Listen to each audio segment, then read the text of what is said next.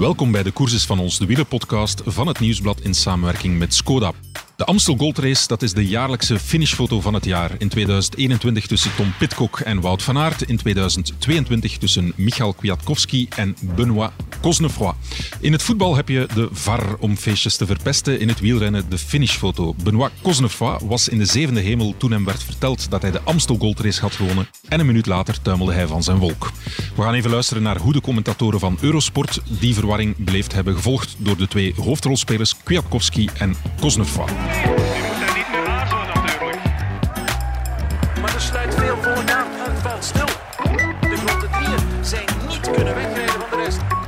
Dit is je kans, man. Ewan, Van der Poel, Schachman, Alaphilippe, Greg van Avermaat. Een stuip zit erbij. Nu wordt het interessant. Gaat hij, gaat hij. Je lijkt... Oh, hier lijkt uh, Kwiatkowski erin te komen. Maar hij heeft nog net die jump. En hij staat nog op het stuur. Als ware hij dacht Nou, dit te verliezen. nou. Ja, maar nee, hier durf ik niet te zeggen, Michael. Oh? Nou ja, dit, dit zagen we vorig... Nee, nou Wacht met. Kwiatkowski, toch? Kwiatkowski! Ja, we gaan niet weer wisselen. Maar dit is toch echt een fotofinish? Nou, volgens mij, als je Same zo like die, last eh, zegt eh Pitcock. hij ja, heeft de maar- felicitaties al gekregen van, eh van Avermaat. Het zal toch niet? Niet zeggen als dat niet waar is. Hè. Luisteren. ik, als ik nou zo die foto's zie, dan is het toch duidelijk Kwiatkowski. Even luisteren wat ze zeggen. Oh god, dat zou zielig zijn voor die jongen. Ja, maar Oh nee. Oh jongens. Oh, oh, oh, oh. Wat een drama voor Côte d'Ivoire. Oh god. En wat een emoties Oh. bij Kwiatkowski. Putain. Ah putain. Eh putain, natuurlijk. Man, het is toch ongelooflijk. I knew that there is a headwind in the in the finish line, so I really launched my sprint quite late, uh, maybe too late. Uh, so when I find myself next to him, he I think he had something left in the tank, so that surprised me, and, and I just came on the line kind of late. I you know throw my bike, but I thought I might win if the, the finish line will be a couple of meters later, but when they when they told that I I lost, it was I was super sad because you know as I said, the team rode amazing today, and for us was all about winning the race. Um, and, and that was really sad, but as you said, roller coaster because then a couple of minutes later, then I announced they announced that the finish for the finish show that I won, so that was the, just a pure happiness. And, À ce moment-là, euh, forcément qu'il y a une petite descente de, joie, mais, euh, mais je suis quelqu'un qui prend vite du recul sur les choses et je suis content de faire deuxième sur, euh, sur cet Amstel. Euh, je suis battu par, par quelqu'un de plus fort que moi euh, au sprint ou qui a mieux, mieux joué que moi. Donc, euh, voilà, je suis, je suis content et chapeau à, lui pour euh, sa victoire. Et, voilà, c'est quand même euh, un beau sprint euh, face à un, ex-champion du monde et un grand champion. Donc euh, je, suis, je suis content de cette deuxième place. Ja, en bij mij zitten twee uh, wielredacteurs klaar met het werk. Jan-Pieter Vlieger Hey, dag Michael. en Wim Vos. Dag Michael. Ja, ja Jan-Pieter, jij had weer uh, het zwaarste werk. Want uh, wat was het thema waarover jij je gebogen hebt? Uh, ik moest nagaan wat er allemaal gebeurd is in de minuut, anderhalve minuut tussen de overwinning van uh, Cosnefroy en de tweede plaats. Ja, en dat, dat was nogal wat, hè? Ja, er was nogal wat en daar hadden weinig mensen zin om daar uh, openheid over, uh, over te geven. Ja. Maar uiteindelijk uh, mag ik niet zelf met de pluimen gaan lopen. Is eigenlijk de NOS degene die uh, de dader tussen aanhalingstekens aan de praat gekregen heeft. Ja. En wie is de man die uh, aan Benoit Cosnefroy gezegd had je hebt de Amstel Gold Race gewonnen en hem een minuut lang of ruim een minuut in, in verwarring gelaten heeft? ik ken de man niet, maar het is Armand van Mulken, een oud renner die hier de rol had van aankomstrechter, nationaal aankomstrechter aankomstrechter. Amai, wat, ja, die functie ken ik die trouwens job? ook niet. Ja? Maar dat is degene die dus de uitslag moet opstellen. Ja? En die heeft dat door aan een internationale aankomstrechter, blijkbaar. Die dat dan communiceert op uh, Radio Tour. Ja. En hij voelde zich een beetje onder druk gezet. Blijkbaar uh, is er daar nogal uh, veel vragen om snel een uitslag te hebben. Om, om op tv de juiste uitslag te kunnen geven. En hij voelde zich een beetje onder druk gezet. dacht dat hij op rechts Cosnefroy als eerste over de meet had zien komen met rugnummer 143. En had dat te snel eh, doorgegeven. Ja. En dat is dan doorgegeven naar de internationale en op Radio Tour gezegd. En dat hebben ze bij AG Duzer gehoord. Dat heeft Julien Jourdi gehoord in de volgwagen van AG Duzer. En die heeft het dan doorgegeven aan eh Cosnefroid. En hij Ja. voelde zich daar zeer verveeld over, Jourdi. Omdat hij natuurlijk ja, foute informatie had doorgespeeld en dat toen een ploegleider niet graag. Ja. Maar de man heeft zich blijkbaar bij NOS verontschuldigd echt, hè, voor de feiten. Hij zat er, hij zat er mee in. Ja, ja, ja hij was er eh, het, het hart van in. Het was een aandoenlijk interview om te zien. Eh, ik denk, communicatieadviseuren zouden eh, iets, iets veel strakker en veel afgeleider naar buiten brengen. Maar dit was oprecht. En Ja. daarom werkt het voor mij goed. En ik denk dat die man daar zeer goed aan gedaan heeft om gewoon voor de camera te verschijnen en zijn verhaal te doen. Ja. Heeft hij zich ook bij Cosnefroid verontschuldigd dan? of? Ja, want dat was een van zijn. eh, dat, dat luchtte hem enigszins op dat hij een beetje Frans sprak. En hij had kunnen zeggen eh, tegen Cosnefroid: Dommage pour les erreurs. Wanneer heeft hij dat gezegd? De Ja, dommage dat moest dan eh, kort na de finish geweest zijn. maar hij, hij was blij dat de juiste man uiteindelijk eh, gehuldigd Ja. geworden is. Want dat moet toch altijd de bedoeling zijn. Ja. Maar het straf is natuurlijk dat we deze tafereelen vorig jaar hier ook gezien hebben. Of is het nu anders? Het is anders. Vorig jaar wisten we echt niet wie dat er gewonnen had. Er Ja. was er een heel, heel warrig verhaal over een heel warrige foto. Nu is die fotofinish wel heel duidelijk. En Ja. lijkt hij ook veel beter. Vorig jaar was dat een soort finishfoto die eh, enig in zijn soort leek. Eh, normaal heeft dat een, een bepaalde eh, kleur, een bepaalde vorm, een finishfoto. En die van vorig jaar week daarvan af. Die van dit jaar vind ik dat er veel meer standaard finishfoto lijkt. En die was ook heel duidelijk. Kwiatkowski wint met ja, een bandtik te zeggen we dan. Het was wel iets Ja. meer misschien nog. Dus daarover ging het niet. En het, op de meest opvallende reactie in alle chaos na de finish was die van Tom Pitcock voor mij. Ja? Die, die heel stellig zei van ja, ze gaan ons niet twee jaar op een rij afpakken. En dan vroeg er iemand, ah, je denkt nog altijd dat je vorig jaar gewonnen hebt. Ja, dat heb ik toch ook gedaan. Eh, Oh, ja. ja. dus die, dat lag nog altijd op zijn Ja, lever. hij heeft naar de podcast geluisterd, misschien eh, naar onze sterren voor de Amstel, waarin jij hetzelfde we ons, poneerde eh, eigenlijk. Ja, maar we zullen onszelf overschatten. Ja. Of het Nederlands van Tom. Pitcock eh, Ik moet overschatten. er even verontschuldigen voor al het lawaai op de achtergrond, want we zitten in de perszaal, dus een soort van tent.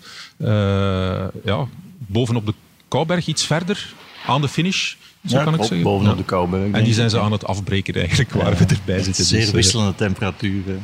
De ene keer een warmtevlaag van een of andere warme luchtblazer. Ja. De andere keer een koude golf. Wim, hoe heb jij dat allemaal beleefd en hoe plaats je dat ook tegenover vorig jaar? De chaos opnieuw, of, of valt het ook inderdaad beter mee dan vorig jaar? Het is een beetje een ander verhaal, zoals Jan-Pieter zegt. Maar op het einde van de rit blijft het even lullig om er een adjectief op te kleven. Ehm, ja, je kijkt naar een wedstrijd, je verwacht een winnaar te kennen, of op tenminste als een winnaar wordt aangeduid, dat hij ook de wedstrijd heeft gewonnen. Dat blijkt dan niet te kloppen. Ja, dat is, dat is pijnlijk. Heel Ja. pijnlijk. Ja. Maar valt de organisatie iets te verwijten dan, want het blijken aangestelde juryleden te zijn? En het is blijkbaar heel duidelijk de jury die een fout heeft gemaakt. Want ik had eh, net een commentaarstuk geschreven, al reeds voor de krant. En dat was eh, tot bij de organisatie geraakt, want dat al op de website was verschenen. En ik werd hier onmiddellijk aangesproken door eh, de woordvoerder dat ik eh, de jury en organisatie niet mocht verwarren. Ja. Dus het is de jury die in de fout gegaan is en niet de organisatie. Ja, het ligt Ja, gevoelig. ik-. Het ligt zeker gevoelig. Ik had de organisator Leo van Vliet aan de, aan de lijn. En die probeerde het echt, op, ja, begrijpelijk ook wel, op alle man- mogelijke manieren te downplayen. Eh, volgens hem was er eerst nooit officieel gecommuniceerd dat Cosnefroid de winnaar was. Want dat helemaal niet klopt, want het is wel degelijk op Radio Koers gezegd. Hij hoopte dat de journalisten er geen groot verhaal van zouden maken. En dan, ja, ik denk niet dat hij het nieuwsblad moet lezen morgen. Maar ehm, ik begrijp ook wel die mens zijn, eh, zijn frustratie daarover. Want het is inderdaad niet zijn, eh, zijn schuld of eh, niet iets wat hij in de hand heeft. Je ziet wat, wat uitbesteed wordt. Zeg, wat mij ook opviel was dat ja, Benoit Cosnefroid daar toch vrij laconiek mee omging. Ik bedoel, ja, hij zei ja, jammer, eh, dommage. Ik geloof dat hij ook eh putain wel het woord gebruikte. Ja. Dat was het eerste wat hem Inderdaad. ontsnapte, putain. Maar goed, eh, dat valt nog mee, gezien wat hem Ja, aangedaan is. Dat was letterlijk de seconde nadat hij het gehoord had. Dus dat, Ja. inderdaad, dan valt het mee. En ik, ik kon hem zien in de mixed zone, wat ongeveer twee, drie minuten is na al die grote emoties. En daar was hij daar leek hij oprecht blij te zijn. Hij, Ja. hij zei het van, une petite descente, descente de joie. Dus een kleine daling in vreugde was het wel geweest. Dat Dat wel het eufemisme van het Ja, jaar, denk ik. heb het nog een keer opnieuw beluisterd, omdat ik het ook wel zo frappant vond dat hij die woorden gebruikt. Maar ehm, hij hij stond er echt met een glimlach en zei, ja, dan eh, probeer ik wel een Ardennen-klassieker te winnen binnen over twee weken. Ja. Dus hij, kon, hij zei, ja, ik kan heel snel afstand nemen en dan moest je hem wel aangeven dat hij dat precies wel Ja. eh, echt kon. Zou het voor zijn ploeg niet erger zijn dan voor de rennen zelf? Er loopt al een beetje een heel voorjaar. Ja. Ja, wat te kwakkelen, zullen we zeggen. Geen enkel overtuigende klassieker gereden. Een paar kopmannen die het niet helemaal doen. Van Navermaat, Nase. Dan denk je, ja, twee minuten of anderhalf minuut lang. Maar ja, alles is rechtgezet met één overwinning. Ja, als je dat dan terug moet inleveren, ik denk toch eh, zeer zuur. Ja, blijkbaar Jordi, dus de ploegleider, ehm, had gebeld naar Vincent Lavenu, de general manager van AG Duzer. En Lavenu was heel blij, ondanks dus, eh, de, over, de gemiste overwinning, maar die was blij met de tweede plaats. En Jordi zat, eh, was gefrustreerd over de tweede plaats. Dus het is echt logisch ook wel, Ja. de twee, de twee ehm, eh, emoties die, die leven bij AG Duzer. Ja. Ja, ik geloof dat José de Kouwer en Karel van Nieuwkerken op televisie ook al in die anderhalve minuut de analyse maakten hoe, hoe goed het wel niet was voor de ploeg na, na zo'n moeilijk voorjaar. Ja. Slecht eigenlijk, slecht voorjaar, dat dat rechtgezet was. Ja, ik denk dat het zo is. Denk voor een renner is een tweede plaats ook zuur, maar het blijft wel een mooie tweede plaats. Ja. Maar voor een ploeg ja, is dat het einde van de rekening kan dat het verschil zijn tussen een mislukt voorjaar Ja. of een geslaagd voorjaar. Ja. En daar zit weinig, veel minder nuance bij een ploeg dan bij een renner, denk ik. Maar we hebben nu al meer over AG Duzer gepraat dan mocht Cosnefroid de koers gewonnen hebben. Ja. Dus zo'n krappe finishfoto, dat is ook wel goed voor de publiciteit. Zeker. No such thing as bad publicity. Voilà, inderdaad. Ja, ik heb mij ook een beetje verdiept in het leven van Cosnefroid, terwijl ik aan het wachten was, eh, terwijl jullie de stukken aan het maken waren. En eh, ja, ik moet zeggen dat mij wel wat duidelijk werd waarom hij zo, ja, daar zo toch eh, laconiek mee omging, zeg maar. Hij komt blijkbaar van ja, vrij bescheiden komaf, eh Normandier. En ehm, zijn ouders eh, die hadden, die organiseerden koersen. Er was ook een, een koers genoemd naar zijn over-overgrootvader, geloof ik. En hij zei letterlijk van, ja, wij, we moesten echt eh, alles sparen om de eindjes aan elkaar te knopen. En we moesten echt sparen om de beker te kunnen kopen, om die uit te reiken voor onze jaarlijkse koers. Dus eh, om toch enig idee te geven. En dan eh, is hij met Blablacar, ons wel bekend, hè, een soort van liftsysteem, online eh, liftsysteem via een app, is ze eigenlijk naar het zuiden van Frankrijk eh, gereisd om zich aan te bieden bij de opleidingsploeg van AG Duzer. En daar heeft hij dan kunnen doorsloten en eigenlijk zijn wielerdroom groot eh, of waar kunnen maken.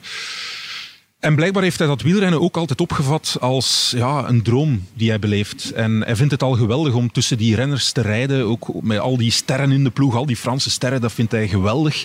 Eh zei in interviews ook, was zelfs een interview met een ploegmakker die dan zei, ja, maar je moet niet te veel starstruck zijn. Je, moet je bent hier wel om te presteren. Maar hij was echt onder indruk. En ja, ik had ook de indruk dat hij hier ook zoiets had van tweede in Amstel, zo mooi. Eh, ja, als je van ver komt, kan je natuurlijk daaraan optrekken langs de andere kant.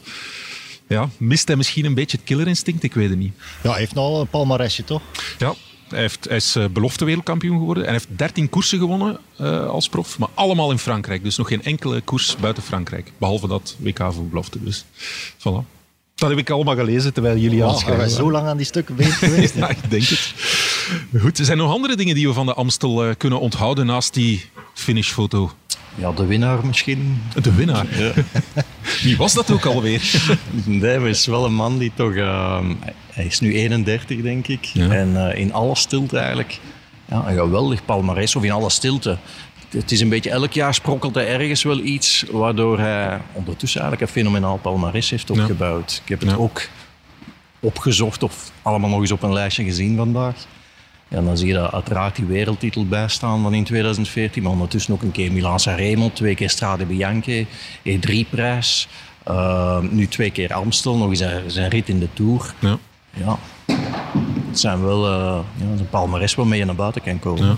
Want zijn carrière schets eens, want hij is ooit als een soort van ja, nieuw supertalent gelanceerd geweest. Ja, hij was eh, een beetje de Evert van Sagan in, ehm, in zijn jeugd. Ja, was, ja, dan won Sagan is, dan Kwiatkowski, maar staat er echt wel bovenuit eh, in hun leeftijdscategorie toen. Is dan veel trager dan Sagan echt doorgebroken bij de profs. Eigenlijk denk ik, uh, corrigeer me als ik mis ben, maar ik denk dat 2014, het jaar waarin hij dan direct wereldkampioen wordt, zijn, ja, zijn de jaar van de doorbraak is. Hij wint daar ook de strade. En dan heeft hij eigenlijk een paar jaar zeker in, eendagsweds, in de eendagswerk, ook kleine rittenwedstrijden, Tirreno, Ronde van Polen en dergelijke. Um, heel goed gepresteerd. Won hij ook elk jaar wel een koers. Maar dan vanaf hij is naar Ineos gegaan. Ik denk in 2016 naar Sky nog, later Ineos uh, gegaan. En dan is hij zo wat in een andere rol terechtgekomen. Um, minder uh, het eendagswerk voor zichzelf opgeëist, zal ik zeggen. En dan uh, veel meer in dienst gaan rijden bij de grote rondes in dienst van een Bernal en Carapaz de laatste jaren. Um, en dan was hij wat luxe knecht geworden. Je zag hem ook eigenlijk vooral nog in de Tour zoals de laatste knecht die het nog redde uh, bergop, nou, waarna dan de kopman het zelf mocht doen.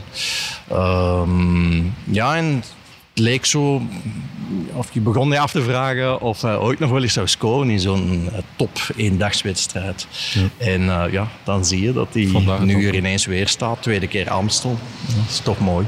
Ik weet nog dat hij uh, inderdaad wel als een heel groot talent binnenkwam in, uh, het profpeloton. Er was een, ontdekking van uh, Johan Bruineel, denk ik. Hij is denk bij Caja maar en daarna vrij snel naar de trekploeg. En ik herinner mij, ik was ook nog een heel jonge journalist dan. Ik had nog uh, allemaal grootse plannen. En ik dacht, ja, met die Kwiatkowski, uh, daar moet ik eens mee gaan praten, want dat gaat een heel goeie zijn. Dat is goed als hij... Ga er een band mee opbouwen. Voilà, voilà. De, de oldest trick in the book. Maar uh, um, dat was in de, in de Le Samin. En dat was een heel moeilijk gesprek toen. Want ja, ik had ook niet echt iets te vragen hebben. was daar heel anoniem in finish. Ik kon eigenlijk gewoon een keer goeiedag zeggen. Ja. Maar uh, ja, het was wel het was niet geen foute inschatting dat het een grote renner ja. zou worden in ieder geval. En nu na de finishfoto zei hey Jan-Pieter. Ja, inderdaad. Die band is, die band is gebleven. Voor, dus voor het leven geweest. Ja. Ja, ik zie hier, ik heb mijn, zijn palmares voor mij en ik zie hier in 2019 één lijntje staan op Wikipedia. Het puntenklassement van Parijs-Nice. Dat is ja. magertjes. En dan in 2020 wint hij die etappe in de Ronde van Frankrijk, maar dat was met twee ploegmaats voorop. Hè. Het was met, Car met Carapaz, denk ik. En dan, dus... dat was natuurlijk een mooie prestatie, ja, ja, want dan ben je niet met twee voorop. Maar dat was wel al na een Tour waarin Ineos het een beetje had laten afweten. Ze kregen dan een beetje een vragenlijden ja, met twee, ja. helemaal op het einde van de toe. Hij mocht dan winnen ja. van Carapaz. Enfin, het was niet echt een, een zegen met veel glorie. Um, en dat ja, versterkt alleen maar het beeld van... Gaat, het, gaat hij ooit nog wel eens iets groot winnen terug? En ja, vandaag dan doet hij het wel. Maar jij zegt wel even een groot palmarès, wat dat zeker zo is. Maar Patrick Lefevre zal daar niet akkoord mee zijn. Die vindt een beetje dat hij zijn ziel verkocht heeft voor de de ponden van uh, Team Sky. Ja, ik denk ook dat wij wel eens op de redactie op bepaalde momenten de conclusie hebben gemaakt. Um, van het is weer zo'n renner die hij is weg bij Lefevre en het zakt allemaal wat in. En, maar als je dan nu, ik kan alleen maar kijken, als je het allemaal op een rij zet, ja, dat is, er zijn weinig renners, denk ik, van de laatste 10, 15 jaar die zo'n palmarès bij elkaar hebben ja. gefietst. Of er zijn er wel, maar ja. Je zult ze, met twee handen ga je toch toekomen, denk ja. ik. Het palmares en de bankrekening spijzen, dat is een perfecte combinatie. Ja, inderdaad. Weinig mensen gegeven. Ja, inderdaad. We gaan eens luisteren naar een topfavoriet die uiteindelijk vierde werd. Mathieu van der Poel. Ik ben realistisch genoeg om te weten dat je niet alles kan winnen. En de kans is nog altijd groter dat je niet wint dan dat je wel wint. Maar zoals ik vooraf zei, ik denk dat Amstel gewoon uh, een super lastige wedstrijd is. Uh, je ziet ook veel lichtgewichten van voor. Uh, voelt mij wel oké, okay, maar zeker niet, niet super uh, om op alles te reageren. En, ja, een beetje vooral eigenlijk. Ja. ja, Mathieu van der Poel, niet de superbenen. Hij beweert ook de koers die hem niet helemaal ligt. Klopt dat, zijn analyse, of is dat toch wat makkelijk? de koers die hem niet helemaal ligt. Ik herinner me een zegen die uh, drie jaar geleden, dat spreekt dat toch een ja, beetje tegen. Hij is daar zelf wel van overtuigd. Ja?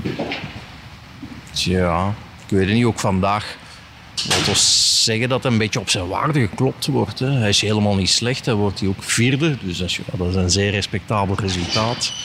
Um, ja, ik denk als er iets is wat hij, waardoor hij deze wedstrijd wel had kunnen winnen, is waarom wint Ineos? Dat is omdat ze met twee zijn in die kopgroep van een elftal renners. En hij heeft die ploegmat niet, wat ook geen schande is. Uh, op Jumbo-Visma zat hij alleen. Uh, Michael Matthews zat alleen voor zijn ploeg. Hirschi. Maar dat is allemaal geen schande. Maar heeft hij daar iemand extra mee, ja, dan kan hij ook een beetje misschien het spel spelen zoals hij Ineos het doet. En dan kan hij die wedstrijd wel winnen. Ja. Mee akkoord, eh, Jan-Pieter? Ja, zeker De wel. ploeg, zeker ja. wel. Maar eh, ik, het enige wat dat je misschien een heel klein beetje kunt aanrekenen, is dat hij wat ver zat op een moment op, eh, op de Keutenberg, op het moment dat eh Benoot aanvalt. Wat dat in de ronde vorige week misschien ook zo was op eh, de Oude Kwaremond. Maar ja, hij zet dat dan altijd wel in no time recht. Dus we willen enerzijds dat hij een beetje anoniemer koerst en wat energiezuiniger. En dan, om hem dan direct kwalijk te nemen dat hij een beetje ver gepositioneerd zit. Ja, het is soms het kip of het ei ook natuurlijk. Ja. Ja, ook hier in de finale, denk ik, doet hij dan nog een laatste ja, uitval om die kloof te overbruggen. En hij is ook de enige die echt even kort komt. Ja. Ik denk dat hij tot op 15 seconden komt. Heeft er daar iemand extra in steun, ja, dan kunnen ze dat gat nog wel dichten, denk ik. Maar nu is dat Pitcock die dat voortreffelijk deed. Ehm, en daardoor raken ze er niet bij. Maar ik denk dat hij eigenlijk echt wel geflirt heeft met de zegen. Dus zeggen dat die wedstrijd hem niet ligt. De enige Dylan Teuns heeft ook een zeer verdienstelijke poging gedaan. Zeven dienstelijk poging. Maar dat was al, ik denk op een tiental, twaalftal kilometer Ja, van de klopt, finish. ja. Terwijl Van der Poel het die deed, denk ik, nog in de laatste twee kilometer, drie kilometer. Ehm, dus ja, je kan hem weinig aanwrijven. Hij heeft een goede wedstrijd gereden, hij heeft niet gewonnen. Ja. Om als topfavoriet in een klassieker eh, te starten, heeft hij daarvoor, misschien naar volgend seizoen toe, toch niet nog een paar versterkingen nodig? à van Aert bij Jumbo-Visma? Wat? Zijn strategie om zijn gebrek aan ploegmaats of vermeende gebrek aan ploegmaats op te vangen was altijd om die finales heel vroeg eh, te beginnen, zodanig dat het eh, kopman tegen kopman was. Ja. Maar hij is een beetje afgestapt van die manier van koersen, wat hij daarnet aanhaalde. Een beetje zuiniger koersen, dus met wat meer krachten sparen. Dus in die optiek, of in, in dat scenario, is eh, meer mankracht wel welkom, denk ik. Ja, inderdaad. Volledig akkoord. Volledig akkoord. Voilà. Jan-Pieter eh, slaakt hier in een ingehouden vreugdekreet. Nee. Blijft toch de chef wielrennen, hè? ja. Nee, maar goed, dat is een eh, interessant discussiepunt. En ik denk wel dat dat eh, ja, misschien nog de komende koersen terug kan komen. Of zeker naar volgend seizoen toe. Ziezo. Goed, bij deze gaan we weer afscheid nemen eh, van in de perszaal. Voor deze perszaal die ontmanteld is. Bedankt Jan-Pieter. Graag gedaan. Bedankt Wim Vos. graag gedaan.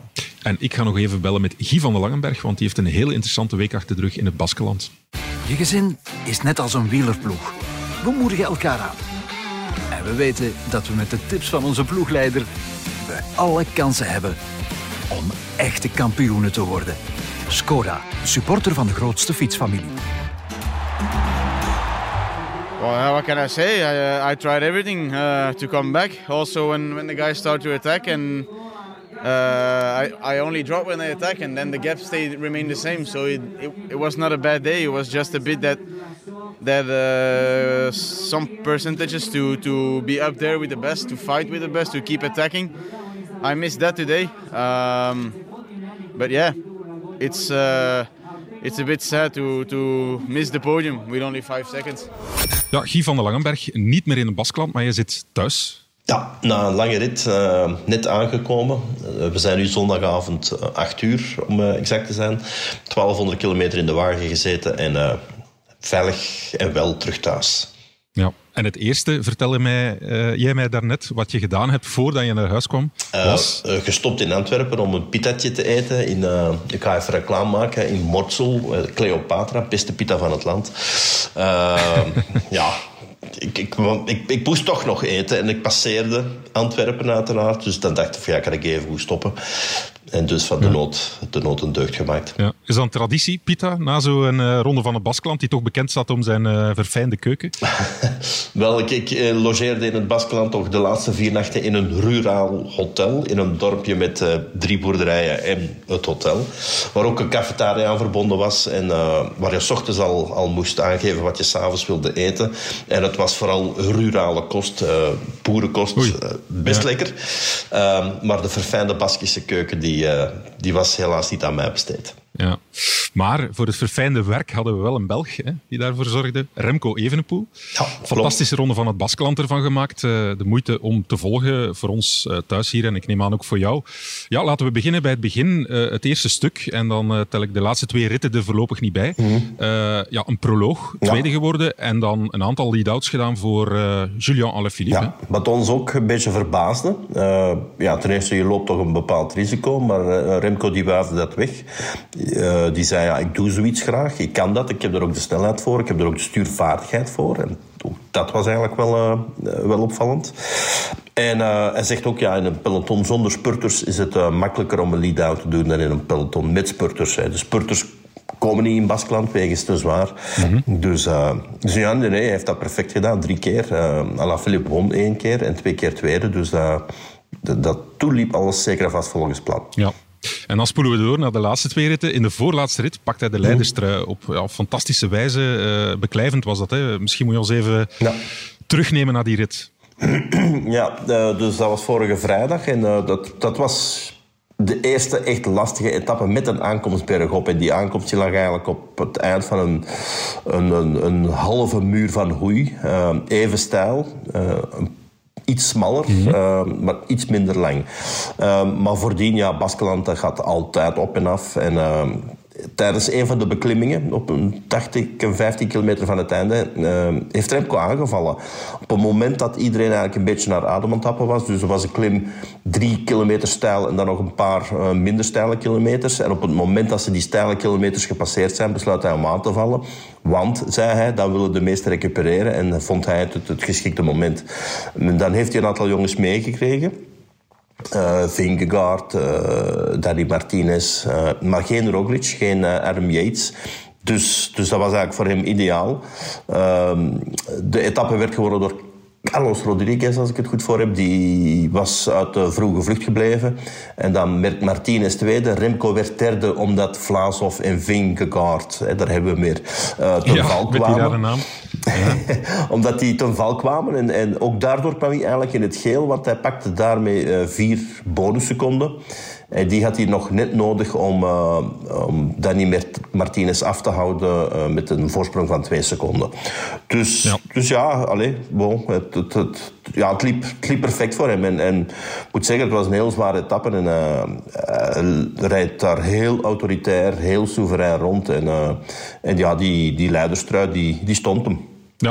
En dan de laatste etappe, ja, dat was echt een, een secondenspel. Hè. Heel Mhm. beklijvend. Hij werd uiteindelijk vierde in die ronde van het Baskeland. Ja. Maar ik moet zeggen, het is eigenlijk een, een, een vierde plaats ja, waarvan je mag zeggen van eh, knap gedaan. Hè. Het was onwaarschijnlijk hoe hij in zijn eentje tegen ja, een heleboel aanvallers eh, optornde. Ja, ja, Ineos die hebben er een heel zware wedstrijd van gemaakt. Het was ook een heel zware etappe. Ehm, de beklimming van de Krabilen, dacht ik dat het was. Ja. Dat was eigenlijk de achterkant van de finish. Dus daar reden ze ook weer over de finish. En het was een, een onwaarschijnlijk lastige klim. Kort, vier kilometer, maar heel stijl, heel smal. En daar heeft Roglic in dienst van Vingegaard eh, het tempo opgeschroefd. En Ja. Hij kwam aan ons voorbij met misschien 10 seconden achterstand. En heeft dan eigenlijk ja, toch zeker nog een, een, een 15, 20 kilometer moeten jagen om die achterstand eh, goed te maken op, op de eerste. Dat waren dan Danny Martinez en, en. Ehm, en dan in de slotklim naar Arate, die eigenlijk minder lastig was en die hem beter zou moeten liggen, heeft hij toch een prijsje moeten betalen voor de inspanningen. Maar ook zelfs daar, bedoel, hij kon de, de versnellingen niet volgen. Maar eens dat iedereen weer zijn tempo begon te rijden, verloor hij geen plaats. Of verloor hij geen tijd. Dus, dus het, het zat hem een beetje in de explosiviteit. En zeker en vast niet... Het was geen, eh, het was geen off-day, verre van. Eh, maar ja, dan kom je op het einde... Dacht ik 21 seconden te kort om, om eindwinnaar te zijn. En 5 of Ja. 6 seconden te kort om... Vijf seconden voor het podium. voor Ja. het podium.